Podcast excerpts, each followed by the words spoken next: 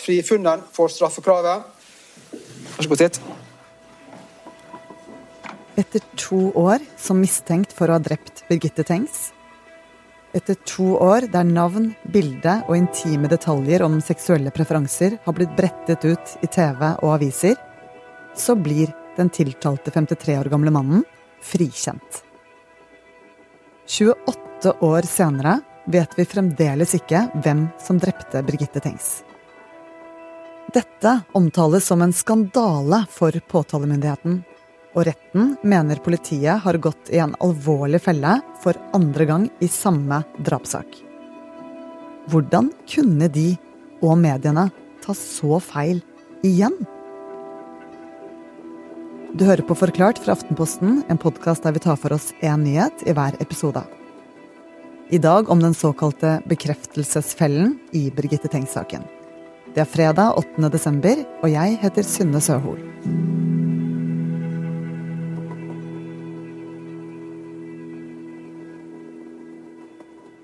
Birgitte Tengs-saken er jo en av de aller største drapsgåtene eh, vi har i Norge, og det er en av de mest omtalte drapssakene noensinne. Og det som er ekstra spesielt, er at etter tirsdag så er vi jo på mange måter eh, tilbake til start. Andreas Bokkefoss har fulgt denne saken for Aftenposten. En sak som starter 6. mai 1995. Da ble 17 år gamle Birgitte Tengs funnet voldtatt og drept i et skogholt på Karmøy i Rogaland. Drapssaken rystet Norge og har fått massiv oppmerksomhet i aviser, i TV-debatter, dokumentarer, bøker og krimpodkaster. Politiet de fomlet jo veldig mye i starten av etterforskningen av dette drapet, men halvannet år etter drapet så kom fetteren til Birgitte Tengs i politiets søkelys. Han ble pågrepet, og over en periode på rundt 17 dager i, i februar 1997 så, så, ble han avhørt uh, av etterforskerne uh, fra politiet. og Han ble utsatt for manipulasjon, løgn og psykisk tortur.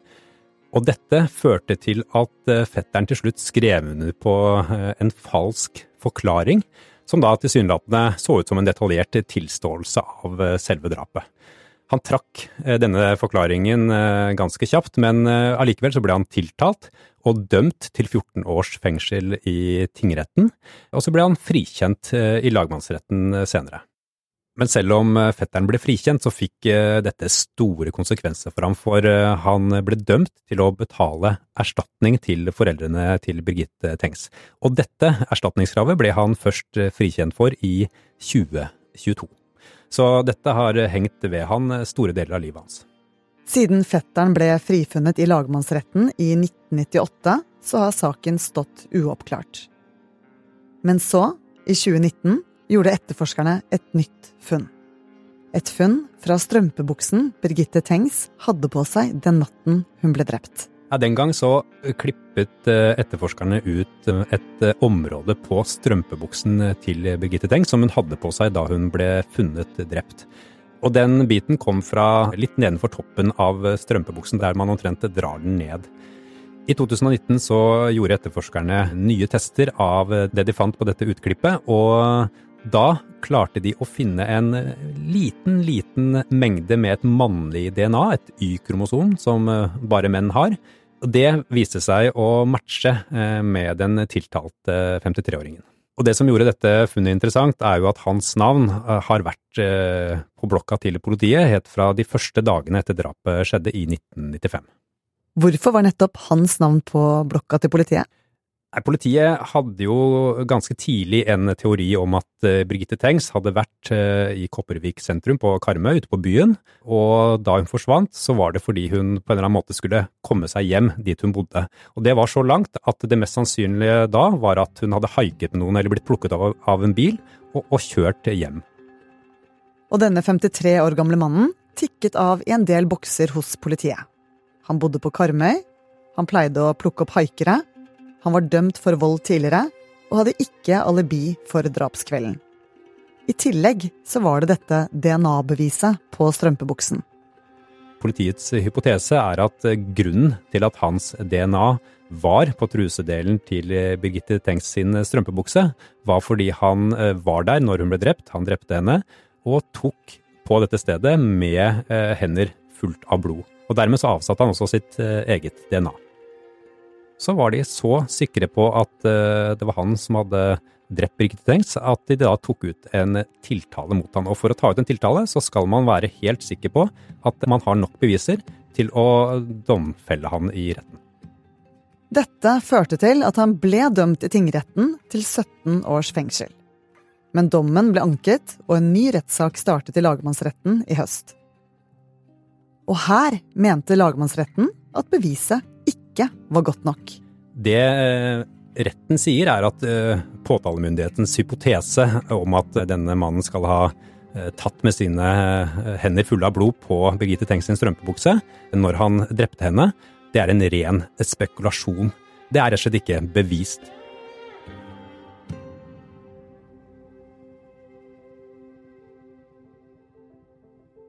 Så for andre gang i samme sak så mener retten at politiet har tatt feil mann. Og at de har sett seg blinde på sin egen hypotese.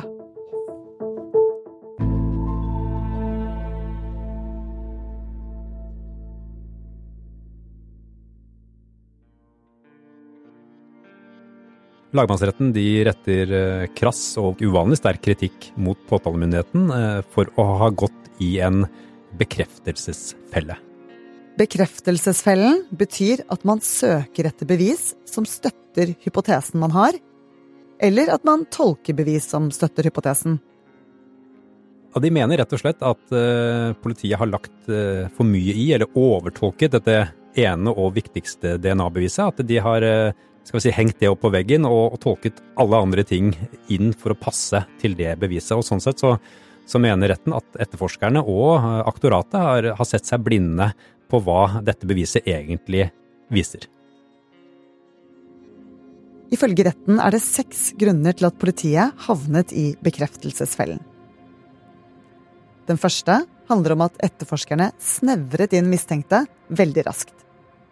Det var 15 personer på politiets liste, men etter DNA-et ble funnet, var det bare denne ene mannen som ble etterforsket. Den andre grunnen handler om nettopp dette ene DNA-treffet. De satset alt på det ene kortet, og hypotesen Mannens DNA var på strømpebuksen til Birgitte Tengs fordi han var der, og tok på strømpebuksen med sine blodige fingre eller eh, hånd. Den tredje grunnen, ifølge dommerne, er at alt ble tolket for å passe inn i historien rundt dette ene beviset. For eksempel så vet vi jo at denne mannen kjørte mye bil, og, og, politiet lagde seg en hypotese om at Tengs da hadde blitt med i en bil fra Kopervik sentrum og, og, og, ble kjørt hjem, og at noe skjedde på denne turen som, eh, som gjorde at 53-åringen eh, eh, påførte Tengs disse omfattende skadene.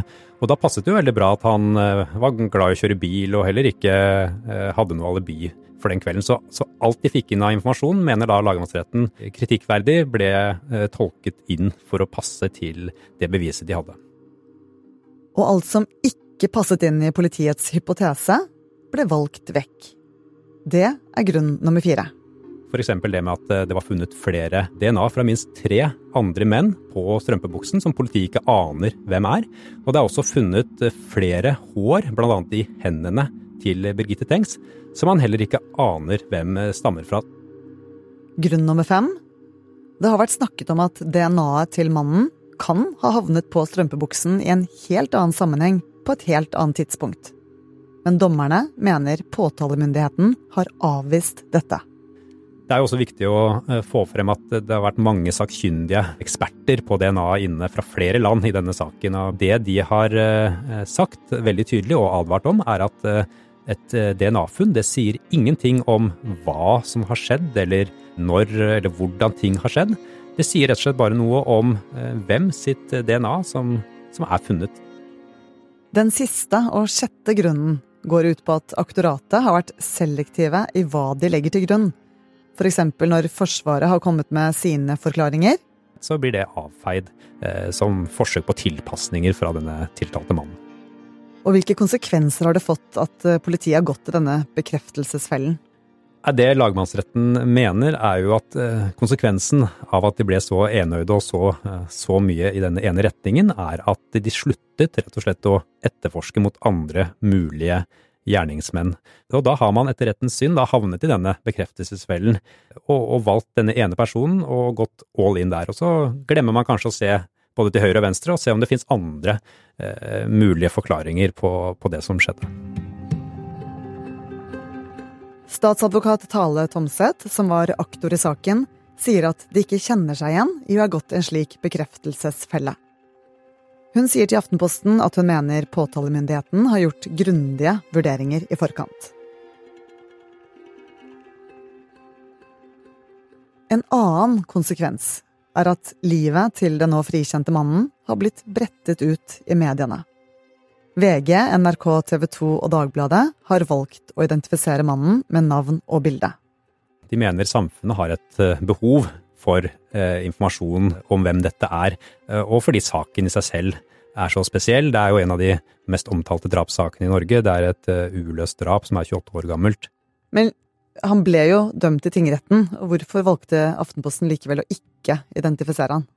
Den viktigste grunnen til at vi eh, valgte ikke å identifisere etter denne dommen i tingretten, er jo rett og slett at hele saken kun bygger på et eneste og svært usikkert og omdiskutert DNA-bevis, som det også var stor strid om mellom partene. Og selv om han ble enstemmig dømt i tingretten, så var jo eh, forsvarerne hans helt tydelige på at, eh, at han er uskyldig, og at dette DNA-beviset det holder ikke.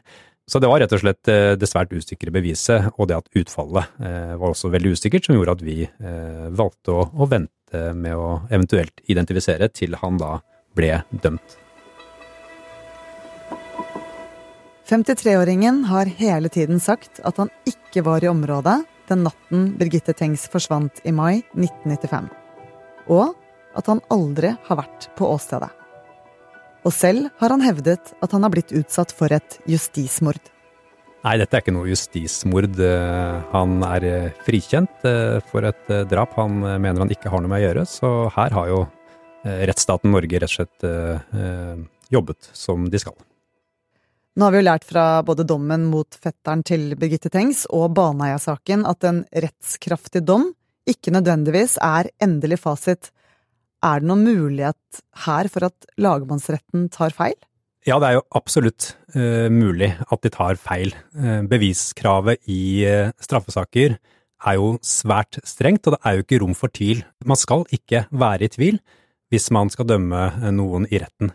I denne saken er det jo også interessant at det var jo to av de syv dommerne som faktisk mente at denne mannen skulle dømmes for eh, drapet på Birgitte Tengs. Men eh, de fem dommerne som har eh, frikjent ham, de har jo gjort det fordi de mener at bevisene i saken ikke er i nærheten av å holde.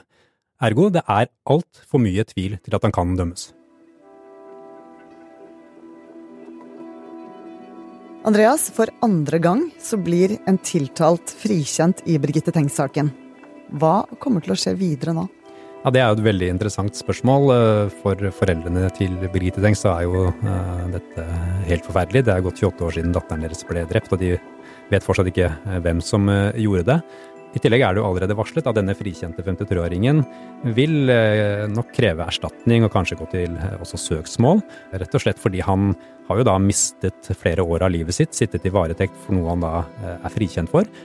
Og I tillegg så vil jo denne dommen, som jo er så kritisk, eh, bli diskutert i lang tid. Og det vil nok komme en, eh, en debatt om eh, både politiets rolle og påtalemyndighetens rolle, om hvor tett de skal jobbe sammen. Og det er også mange som mener at denne dommen gikk altfor langt i å kritisere politiet og påtalemyndigheten, så selve dommen i seg selv vil nok også bli diskutert i, i månedene som kommer.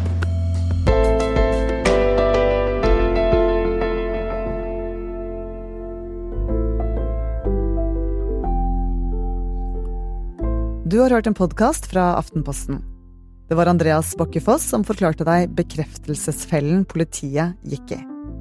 Denne episoden er laget av produsent Fride Næss Nonstad og meg, Synne Søhol. Resten av Forklart er David Vekoni, Jenny Førland, Anders Weberg og Olav Eggesvik. Lyden du hørte, er fra VGTV. Der, der zoomer jeg ut, fordi det hørtes ut som det jævligste jeg kan forestille meg. Hei, Sanne fra Poprådet her. Denne uka har vi Dag Sørås på besøk. Det var litt gøy å se deg leite etter Ja, ord. ja, det, ja, av og til så blir jeg tom for ord, jeg òg. Og vi snakker blant annet om Jennifer Lawrence som intervjuer Kylie Jenner om plastisk kirurgi. Særlig. Osama bin Laden på TikTok. Bare der så burde jo de fleste varsellamper gå av. Men nei da. Men ikke i dagens samfunn. De siste ryktene om Taylor Swift. La henne være i fred. Leave Taylor alone. Og litt tvilsomme biografiske filmer. Du er vanskelig å please, Therese. Ja, det er det med meg. Hør Poprådet i Aftenposten-appen eller hos Podme.